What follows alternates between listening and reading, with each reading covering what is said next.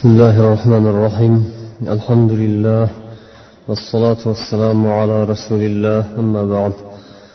محترم جماعة حرمتي وتخون لر أوكا أوكا أباسم الله السلام عليكم ورحمة الله وبركاته.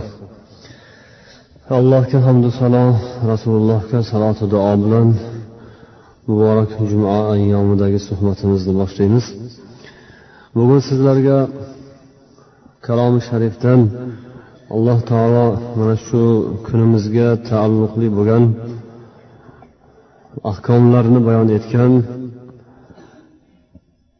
sura juma surasini alloh nasib etgancha ma'nolari va bundan chiqadigan xulosalari pandu o'gitlardan sizlarni boxabar etish o'zimiz ham bundan manfaatdor bo'lish foydalanishni niyat qildik. Alloh taolo o'zi muvaffaq aylasin.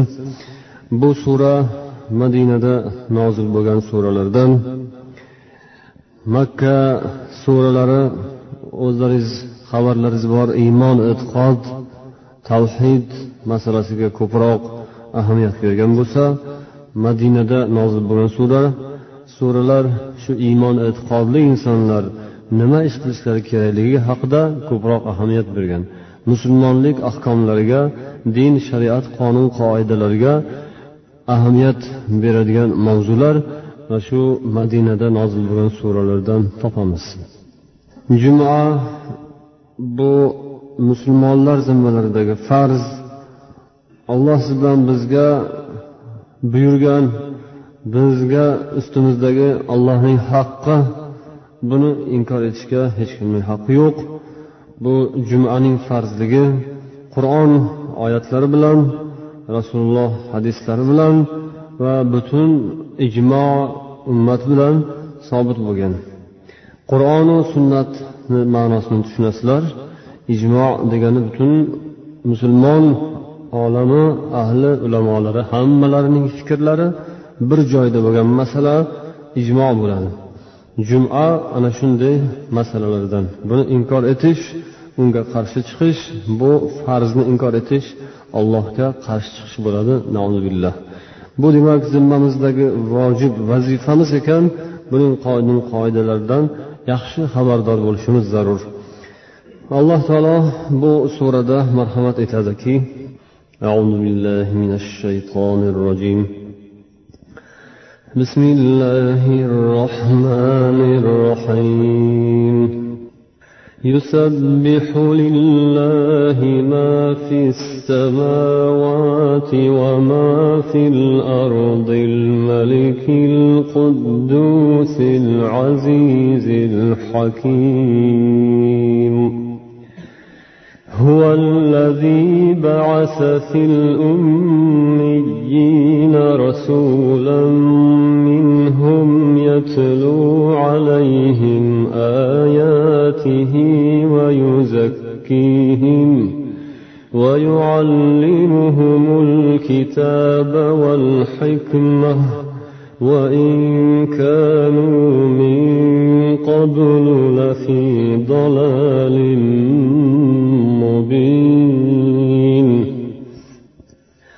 وآخرين منهم لما يلحقوا بهم وهو العزيز الحكيم. ذلك فضل الله يؤتيه من يشاء.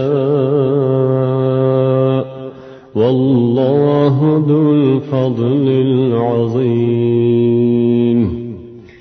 Mana biz hozir juma surasining avvalidan to'rt oyatni tilovat qildik. Alloh bu suraning avvalida butun olam ahli osmonlaru yerdagi jamiki jonzot umuman mavjudot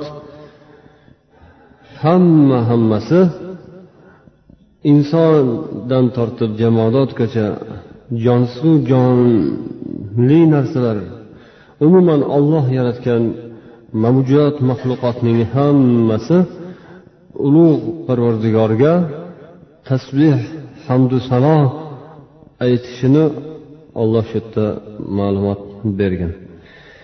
Yetti qavat osmonu yetti qavat yerlarda mavjud bo'lgan narsalarning hammasi butun olamning podshohi haqiqiy podshoh muqaddas zot barcha aybi nuqsonlardan pokiza bo'lgan muqaddas zot al quddus al aziz dushmanlaridan intiqom qasos o'ch oladigan g'olib zot al hakim hamma ishlari hikmatli ma'noli judayam yaxshi pishiq puxta hikmatlik ishlarning sohibi bo'lgan zot alloh taologa tasbeh aytadilar deydi.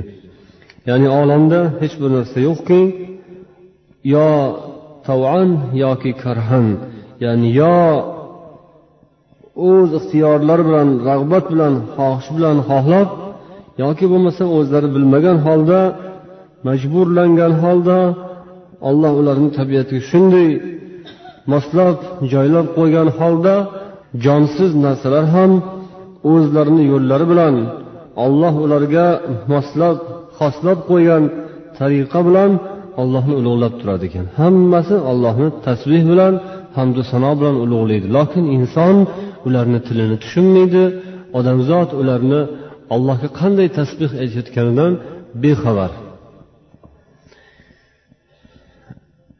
Olloh u shunday zotki هو الذي بعث في الأميين رسولا منهم والله omi besavod odamlarning ichlaridan ulardan bo'lgan bir elchini yubordi ki u ollohning oyatlarini ularga tilovat qilib beradigan va ularni poklaydigan kufr shirk nifoq ma'siyat iflosliklaridan ularni poklaydigan ularga allohning kitobini o'rgatadigan sunnatni hikmatni ta'lim beradigan zot payg'ambarni o'sha ummiy odamlarni ichlaridan chiqardi ularga payg'ambar qilib yubordi. Ummiy ummiylar degandan murod tafsirlarda aytadilar bular arablar edilar. Ummiy omi besavod o'quv yozuvni bilmaydigan xalq. Sababi arablarda o'sha paytida qur'on nozil bo'layotgan paytida kitob yo'q edi. Ular ahli kitob emasdilar nasorolar va yahudlarda esa kitoblar bor edilar ichlarida olimlari bor edi. Arablarda esa avval otalari bobolari hazrati ibrohim payg'ambar zamonlarida ularda ham haq din bo'lgan. Lokin u kishidan keyin esa yo'qotib ular mushriklarga aylanib ketishgan. Keyinchalik hazrati muso va iso payg'ambarlarni olloh yubordi tavrotu injillarni yubordi. Lokin rasululloh zamonlariga kelib ular ham yo'qolib bitgan o'zgartirib yuborishgan edilar. Alloh taoloni bu bir marhamati bo'ldiki ularga yana qaytadan ollohning vahyi kela boshladi. Bu hazrati ibrohim alayhissalomning duolarini ijobati edi deydilar mana mufassirlar. Chunki hazrati ibrohim alayhissalom alloh taologa duo qilgan ekanlar. Kabani bino qilayotgan paytlarida hazrati ismoil o'g'illari bilan kabani qurayotgan paytlarida ollohdan duo qilib so'ragan ekanlarki ey olloh mening zurriyotlarimni ichidan farzandlarimni ichidan bir payg'ambarni yuborgin. Ularga kitobu sunnatni o'rgatadigan seni oyatlaringniyu hikmatlaringni ta'lim beradigan bir zurriyotni yuborgin deb qilgan duolari mana shu oxiri oqibatda amalga oshib arablarni ichlaridan olloh bir payg'ambarni chiqardi. Agar chandiki ular oldin bu din islom kelmasdan oldin ochiqdan ochiq zalolatda bo'lgan bo'lsalar ham alloh bularga mana shunday bir marhamatni nasib etdi.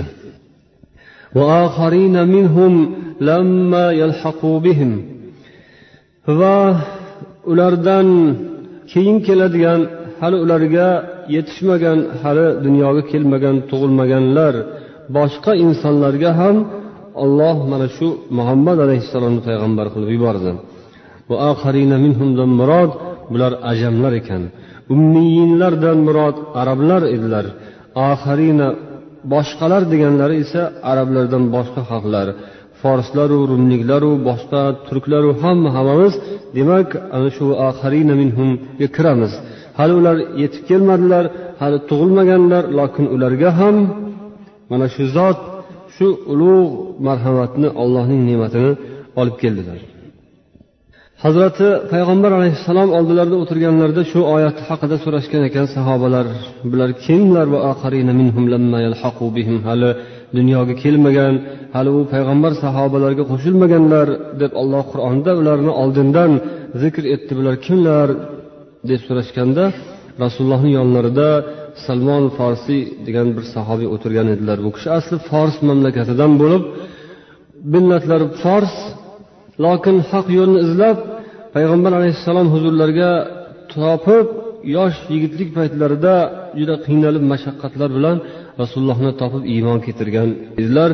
Yonlarida o'tirganlarida rasululloh shu kishini yelkalariga qo'llarini qo'yib aytdilarki shunday bir paytlar bo'ladiki kelajakda agar iymon surayyo yulduzda osmonda bo'lsa ham mana shulardan chiqadigan odamlar o'sha surayyodan osmondagi yulduzlardan bo'lsa ham iymonni oladigan olib tushadigan odamlar shulardan chiqadi deb ishora qilgan ekanlar.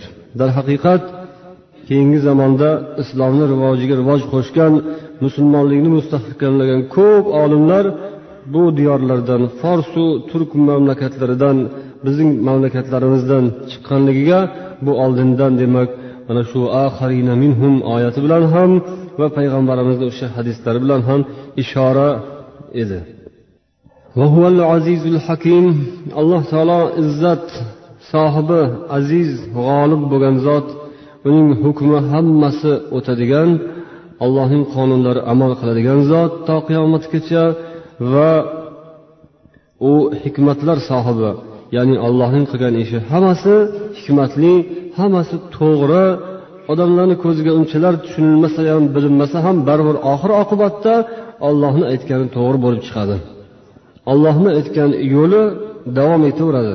Odamzodniki esa paydo bo'lib yo'q bo'lib oldin to'g'riga o'xshab ko'ringan bo'lsa ham uning po'pisasi bilan to'g'riga o'xshab turgan bo'lsa ham lokin noto'g'riligi nohaqligi bilinib qolaveradi. Yolg'iz alloh taolo esa al hakim degan zot hakim ismi sifati borki uning ishi faqatgina hikmatli to'g'ri bo'lgan zot bundan keyin alloh taolo o'zi kitob bergan oldindan ularga payg'ambar yuborgan qavmlarini qilgan qilmishlarini ta'riflab misol tariqasida yahudlarni keltirgan مثل الذين حملوا التوراة ثم لم يحملوها كمثل الحمار يحمل أسفارا ularga tavrot berilgan tavrotga amal qilish ularning zimmalariga yuklatilgan lokin bunga amal qilmagan qavmning misoli ustlariga og'ir og'ir kitoblarni katta ulkan kitoblarni yuklab qo'ygan yuklab qo'yilgan eshakka o'xshaydi eshaklarga o'xshaydi deydi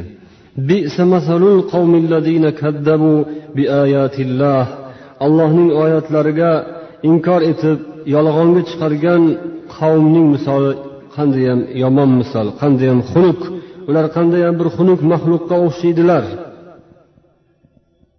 deydi. U xudoni aytganini qabul qilib ollohni tanib bilib turib unga amal qilmagan odamning holi hayvonning holidan ham battar u eshakdan ham yaramas odam ekanligini shu yerdan bilsa bo'ladi. Boshqa bir oyatda degan ular hayvonga o'xshaydilar. Hayvondan ham battarlar hayvondan ham adashganroqlar deydi. Chunki hayvonda fahm yo'q farosat yo'q aql yo'q eshakda aql yo'q. Shuning uchun u ustiga yuklab qo'yilgan kitobmi toshmi unga farqi yo'q.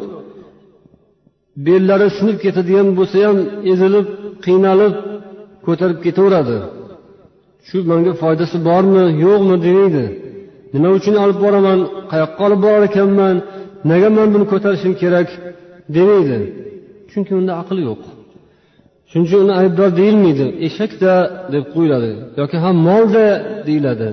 Ko'chani to'sib turgan bo'lsa mol yoki eshak undan hech kim o'pkalamaydi o'zi yo'lini to'g'irlab ketaveradi. Eshak u mol u uning aqli yo'q. Shuning uchun unda ayb yo'q. Lokin inson alloh unga aql berdi fahmu farosat berdi yana bunga ustiga kitob ham berdi.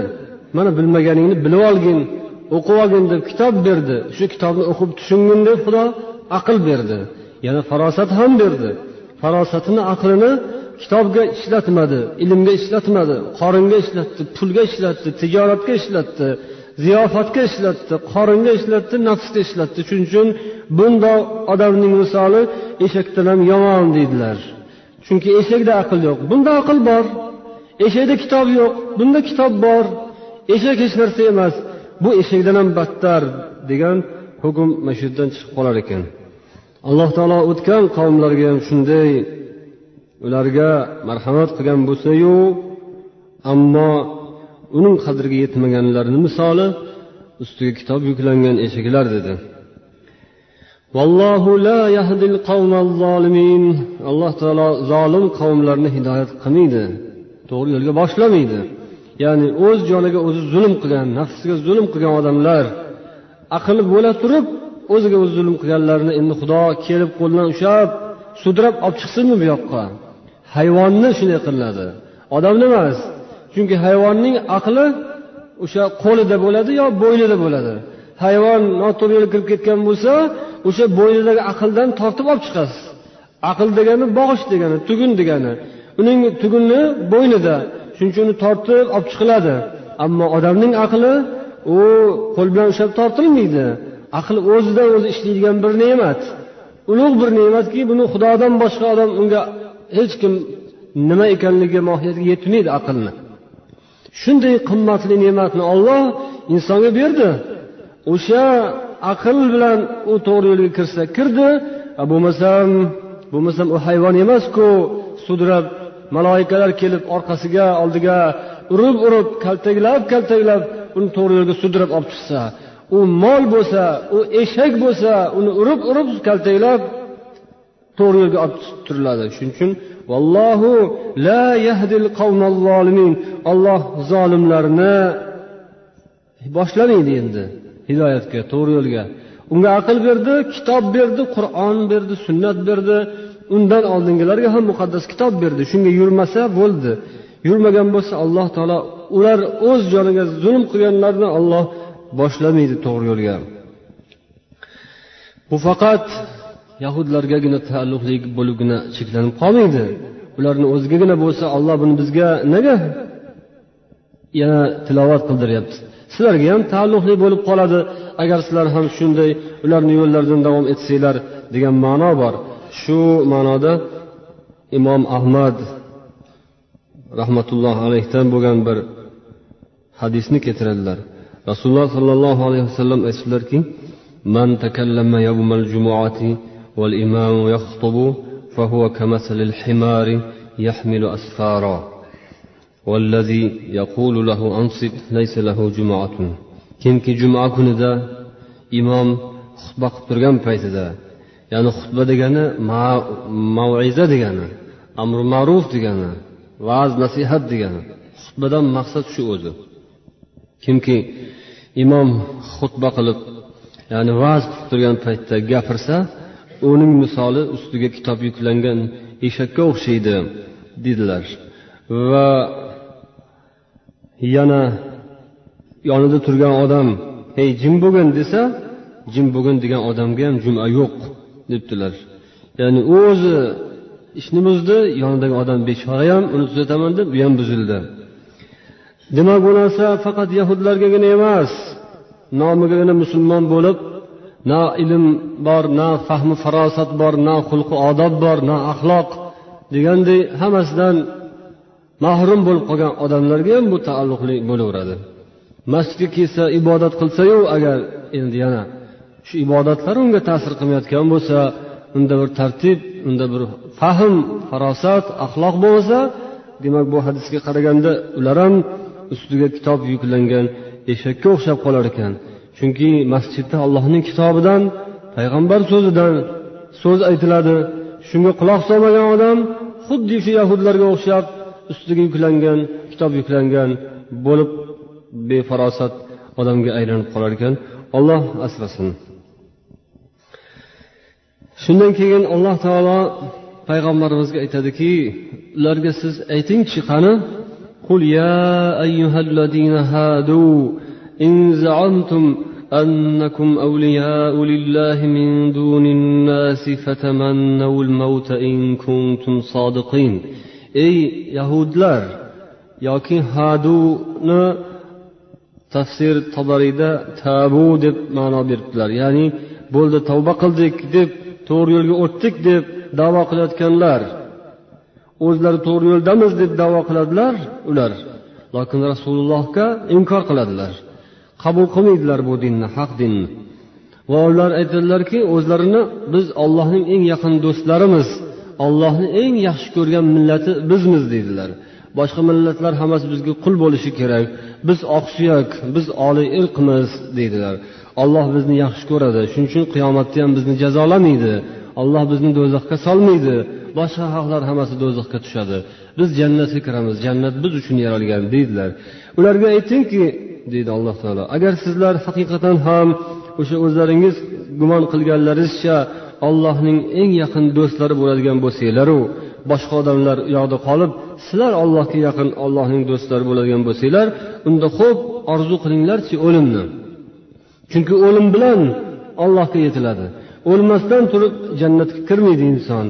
O'lib vafot etadi keyin ajrim bo'lib jannatga boradi. Agar sizlar haqiqatdan ham gaplaringiz rost bo'lsa o'limni orzu qilinglar o'zinglarga o'lim tilanglarchi duo qilinglarchi allohdan.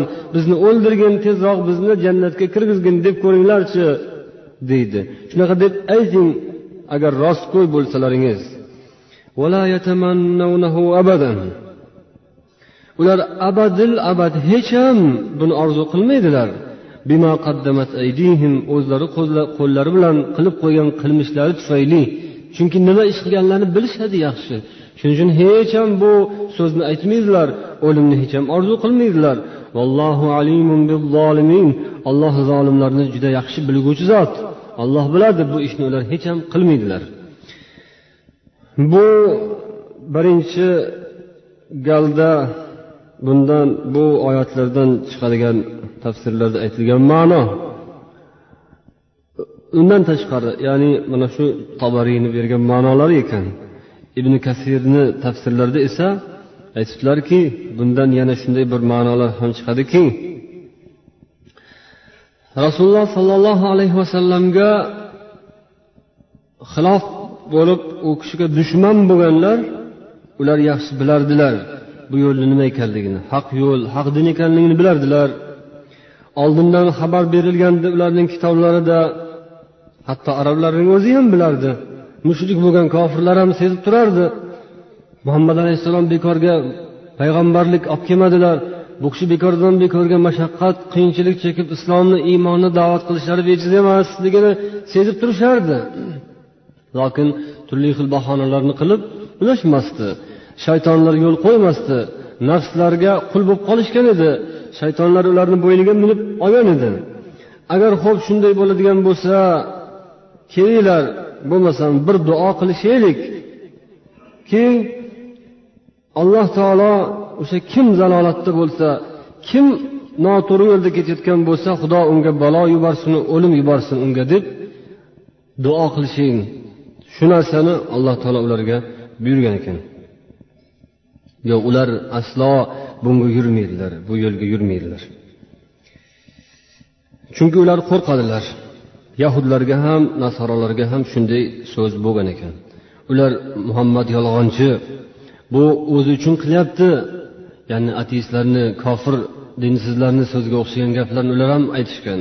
Muhammad o'zi podsho bo'lmoqchi o'ziga mol dunyo to'plamoqchi o'zi to'qib chiqargan bu narsani yolg'on aytyapti deb mushriklar arab mushriklari nasorolar yahudiylar rasulullohga ko'p aziyat yetkazdilar. Shunda alloh taolodan ko'rsatma keldiki bo'lmasam unga ham ayting bularga ham ayting. Anavi mushrik arablarga ham ayting mayli. Hammalari kelishsin. Alohida alohida bo'lib yig'ilib kelishsinda keyin ular ham qo'lni ochsin. Siz ham qo'lingizni oching. Alloh taologa birgalashib duo qilinglar. Duo qilinglarki ey xudo o'rtamizni o'zing bir ochiq oydin qilib bergin. Qaysi birimiz yolg'onchi bo'lsak o'shanga xudoyo balo yuborgin o'lim yuborgin ofat yuborgin deb duo qilinglar deb olloh ko'rsatma berdi. Lokin bularning birontasi yurak yutib chiqib kelolgani yo'q. Chunki ularni o'zi yaxshi bilardi. O'zini yo'li noto'g'ri nohaq shayton nafs yo'li ekanligini yaxshi bilishardi. Faqat yolg'on ularda edi. Yolg'ondan rasululloh sollallohu alayhi vasallam shuncha so'zlarni aytardilar. Demak masala oydin ular hech qachon bu yo'lga yura olmaydilar. Imom ahmad rivoyat qilgan hadislarida keltiriladiki abu jahl lanaulloh musulmonlarni eng yomon yomon dushmanlaridan rasulullohga ko'p yomonlik qilgan bir badbaxt kofir. Aytgan ekanki agar man endi shu muhammadni kabaga borib ibodat qilayotganini ko'rsam yana bir marta ko'rsam borib shunday bo'yniga oyog'imni tirab bo'ynini bosib yenchib tashlayman shu oyog'im bilan deb aytgan ekan. Buni rasululloh sollallohu alayhi vasallam eshitdilar aytdilarki agar u shundoq qiladigan bo'lsa qani qilsinchi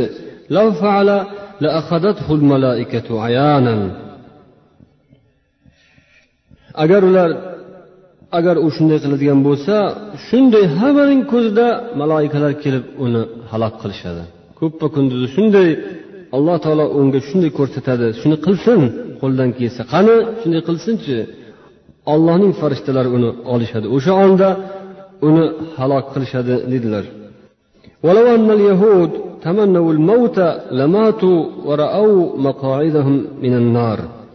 Yana aytdilarki agar yahudlar ham o'limni bir so'raganlarida edi mana shu rasulullohni aytganiga qarab turib ular o'lgan bo'lardilar o'sha zahoti olloh ularni o'ldirardi va do'zaxdagi joylarini olloh ularga ko'rsatardi خرج الذين يباهلون رسول الله صلى الله عليه وسلم لرجعوا لا يجدون أهلا ولا مالا agar o'sha rasulullohni so'zlariga kirib birgalashib kelishib qo'llarini duoga ochishganda edi ya'ni bola chaqalarimizga o'lim yuborgin deb duo qilib mol dunyovu bola chaqalarimizni yo'q qilib yuborgin. Kim agar nohaq bo'lsa degan so'zni aytganlarida edi borganlarida na bola chaqa qolardi na mol dunyo qolardi deb rasululloh aytdilar. Ya'ni o'shanday haq yo'l ekanligini mo'min odam musulmon odam o'zi biladi ishonadi. Ammo kofirlar ham mushriklar ham o'zlarini yo'llarini nohaq ekanliklarini sezib bilib turadilar. Ammo ulardagi nafs shaytonning zo'rligi ularni shu nohaq narsaga ko'pirtiradi zo'raytiradi va dunyoni shunday mastligiga berilib maishatiga puliga dunyosiga mast bo'lib ketaveradilar o'limga qarab halokatga qarab ketaveradilar. Alloh taolo bu oyatlardan keyin yana aytadiki aytib qo'ying ularga ular o'limdan qo'rqadilar. Ular qochadigan o'lim albatta yetadi. Ularni bir kun tutadi o'limga ular bir kun ro'baro bo'ladilar. Keyin esa g'aybu oshkoro narsalarni maxfiy oshkoro narsalarni biluvchi alloh taolo huzuriga qaytariladilar. Qilgan qilmishlarini olloh xabarini natijasini ularga ko'rsatadi jazosini beradi. Keyin esa mo'min musulmonlarga nido bo'layotibdiki ey iymon keltirgan kishilar agar juma kunida namozga azon aytilsa namozga chaqirilinsa sizlar alloh taoloning zikriga shoshilib darhol boshqa hamma ishlaringizni qo'yib oldi sotdi bay ishlaringizni tijoratlaringizni o'rnida to'xtatib alloh taoloni ibodatini qilishga harakat qilinglar. Allohni ibodatiga qarab kelinglar yuringlar. Mana shu ish sizlar agar bilsalaringiz shu ish yaxshiroq sizlarga dunyoviy ishlaringizdan dunyoviy yumushlaringizdan bayu tijoratlaringizdan ko'ra shu yaxshiroq يا أيها الذين آمنوا إذا نودي للصلاة من يوم الجمعة فاسعوا إلى ذكر الله وذروا البيع ذلكم خير لكم إن كنتم تعلمون فإذا قضيت الصلاة فانتشروا في الأرض وابتغوا من فضل الله واذكروا الله كثيرا لعلكم تفلحون demak juma azoni aytilgandan keyin allohning ibodatiga shoshilinglar namoz o'qib bo'lingandan keyin esa yer yuzida tarqalinglar va allohning fazlu karamidan marhamatlaridan talab qilinglar. Allohni fazlu marhamatlaridan izlanglar. Rizqu nasibalaringizni. Va alloh taoloni ko'p yod qilinglar zikr qilinglar. Shoyatki najot topsalaringiz. Shu bilan juma namozi musulmonlarga farz bo'ldi. Juma degani bu jamoatdan olingan ekan. Jam bo'lishib ko'pchilik mo'min musulmonlar islom ahli yig'ilib ibodat qiladilar. Har haftada bir marta yig'ilib katta jomi masjidlarda. Alloh taolo mana shu juma kunida haloyiqni insonlarni yaratgan ekan. Olamni olti kunda yaratgan bo'lsa oxirida oltinchi kunida odamzod yaraldi. Ya'ni otamiz hazrati odam dunyoga keldilar shu juma kunida. Juma kunida jannatga kiritildilar. Juma kunida jannatdan chiqarildilar va qiyomat ham shu juma kunida sodir bo'ladi ekan. Juma kunida bir soat bor shu soatda insonning duosi to'g'ri kelib qolsa nima narsa so'rasa alloh taolo o'sha so'raganini beradi degan hadislar sobit bo'ldi. Bu juma musulmonlar uchun xursandlik ayyomi? Ular mana shu kunda ko'p zikr ibodat bilan mashg'ul bo'lib alloh taologa yaqinlik hosil qilishlari kerak. Hadislarda aytiladiki oldingi o'tgan ummatlar ham ana shunday bir kunni o'zlaricha bayram qilishardi. Lokin ular o'sha alloh taolo xohlagandek kunni topmadilar. Yahudlar shanbani ixtiyor qildilar nasorolar esa yakshanbani. Alloh taolo musulmonlarga o'zi tanlab jumani nasib etdi.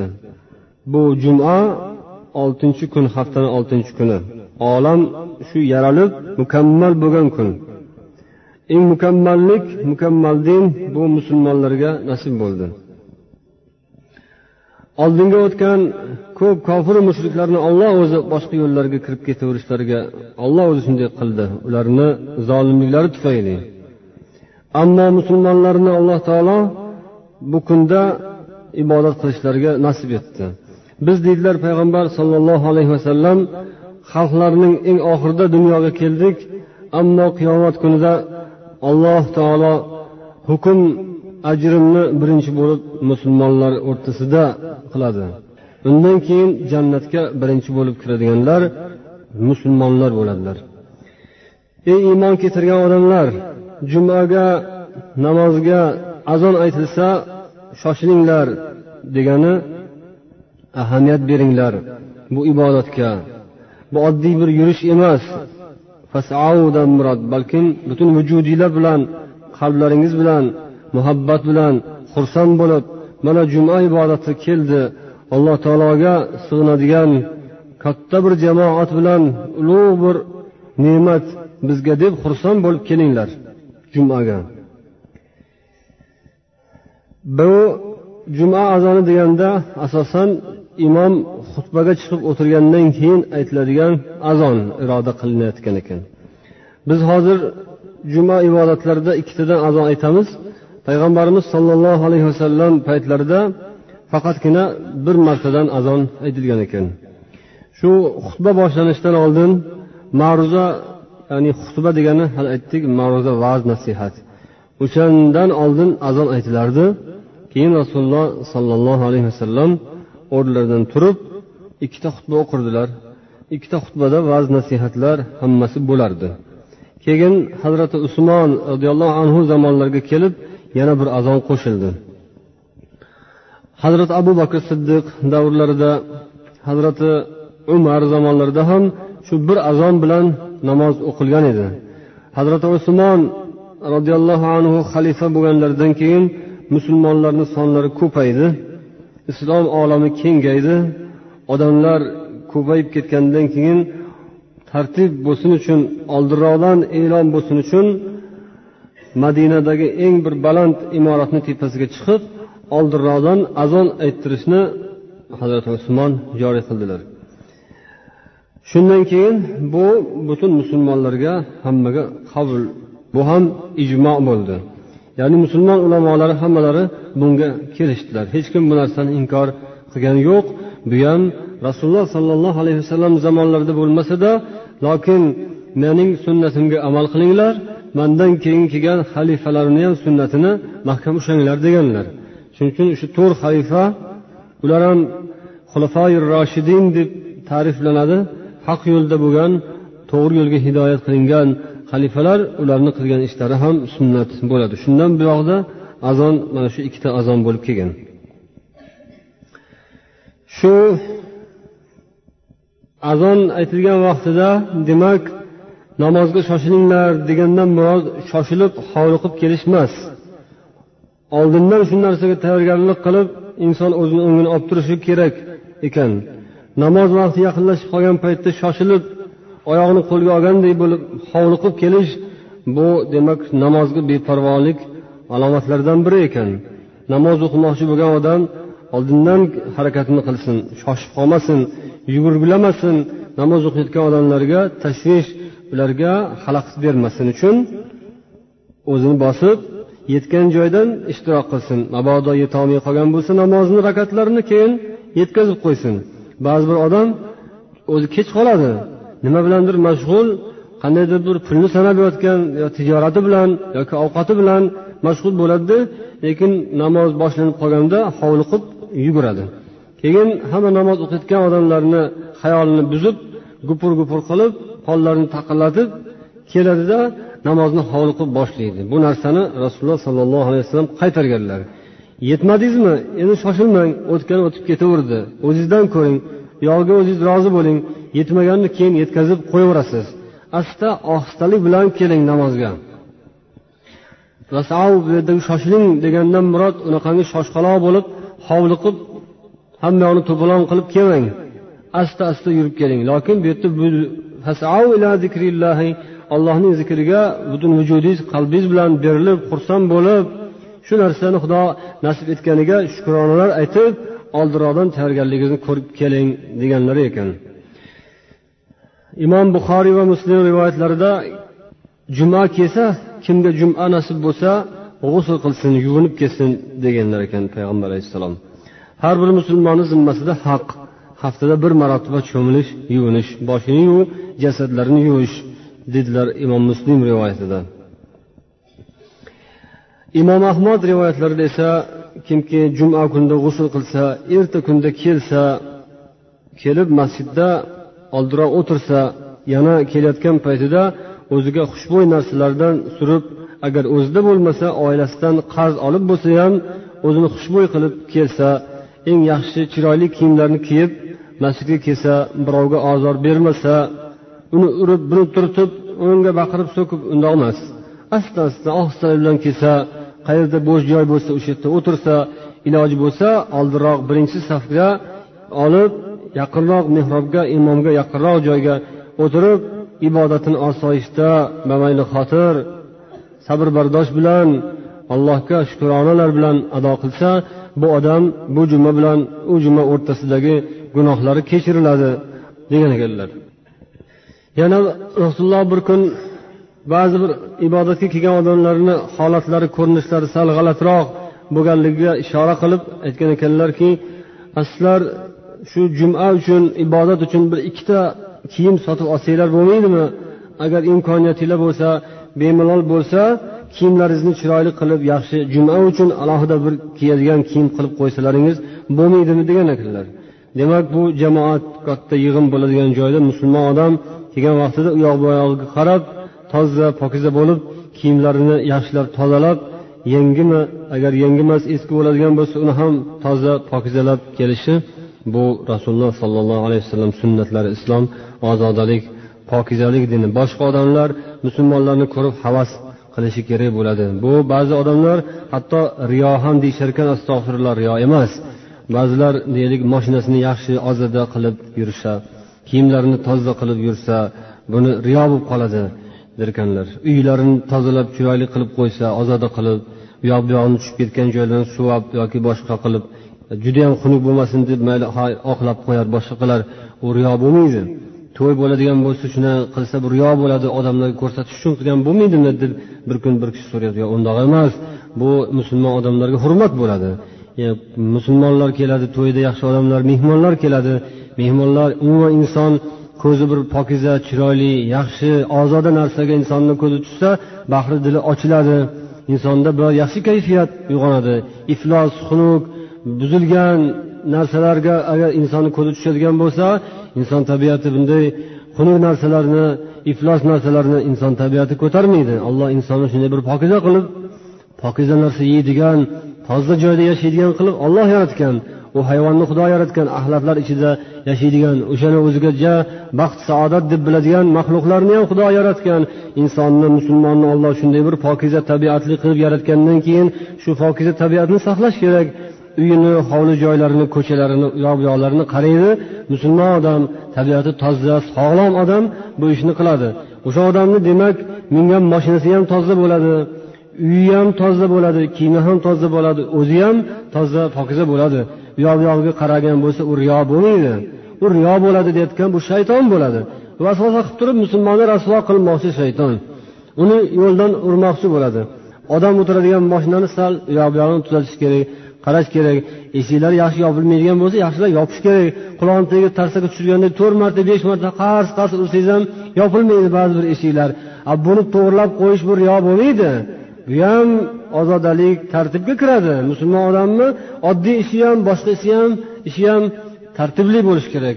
Uyi ham boshqa joylari ham shuvolar osilib yotgan bo'lsa to'kilib yotgan bo'lsa boshqa bo'lsa uni tuzatib qo'yish bu riyo bo'lmaydi.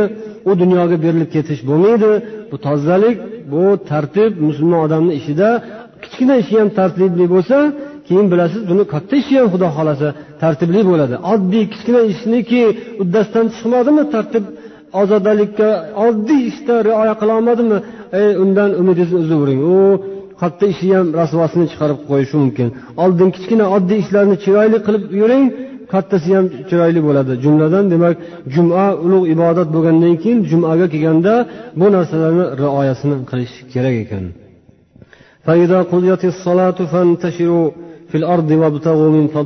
Namoz o'qib bo'lingandan keyin yerda tarqalinglar va alloh taoloni sizlarga ato qilgan fazilatlardan bahramand bo'linglar. Bu fantashiru tarqalinglar degan narsa ruxsat ekan.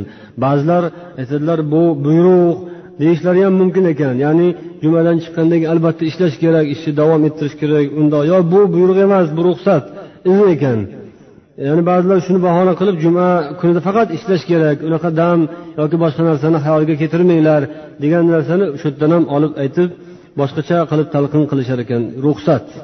Jumagacha esa azon aytilgunga qadar dunyoviy ish oldi sotdi xayr. Azon aytilgandan keyin oldi sotdi qilish harom bo'lar ekan. Harom ishni qilib keyin topilgan pul ham harom bo'ladi. O'sha rizq ham insonga botmaydi yuqmaydi. Allohni ibodat kelgan vaqtida ibodatni qilish kerak. Bu oyatlar quyidagi navbatdagi oyatlar nozil bo'layotgan vaqtida madinada rasululloh sollallohu alayhi vasallam juma o'qib turganlarida jumada xutba aytib turgan paytlarida bir mahal madinaga qo'shni shahardan mamlakatlardan bir karvon kelib qoldi. Savdo karvoni keldi. Dihya degan bir odam hali musulmon bo'lmagan ekan u karvon bilan oziq ovqat yog' olib keldi. O'sha vaqtda biroz qimmatchilik biroz oziq ovqat mahsulotlari qimmatlab turgan payti ekan uni do'mbirasi nog'orasi bor ekan shu karvon bilan nog'orasini chalib kelar ekan. Nog'orani do'mbirani ovozini eshitgandan keyin hamma karvon keldi deb yugurgilab borishar ekan. Jumaga kelgan odamlardan ham ko'pchiliklari o'sha vaqtda karvonni ovozini eshitib shu o'tib ketib qolmasin boshqalar olib ketib bizga qolmay yana qiynalib qolmaylik deb o'rinlaridan sekin sekin bildirmasdan sug'urilib sug'urilib chiqib u yoqqa qarab ketib qoldilar. Shunda alloh taolo quyidagi oyatlarni shu juma surasining oxiridagi oyatni nozil etdiki وإذا رأوا تجارة أو لهوا انفضوا إليها وتركوك قائما ular bir tijoratni ko'rib qolishsa yoki bir lahovni ko'rishsa haligi do'mbirani ovozini eshitib qolishsa o'shanga olloh rizq berguvchilarni eng yaxshirog'idir dedi ya'ni namoz ibodat o'z vaqtida bo'lsin tijorat ham tirikchilik ham bo'ladi xudo xohlasa olloh beradi olloh beradigani yaxshi bo'ladi bandasiniki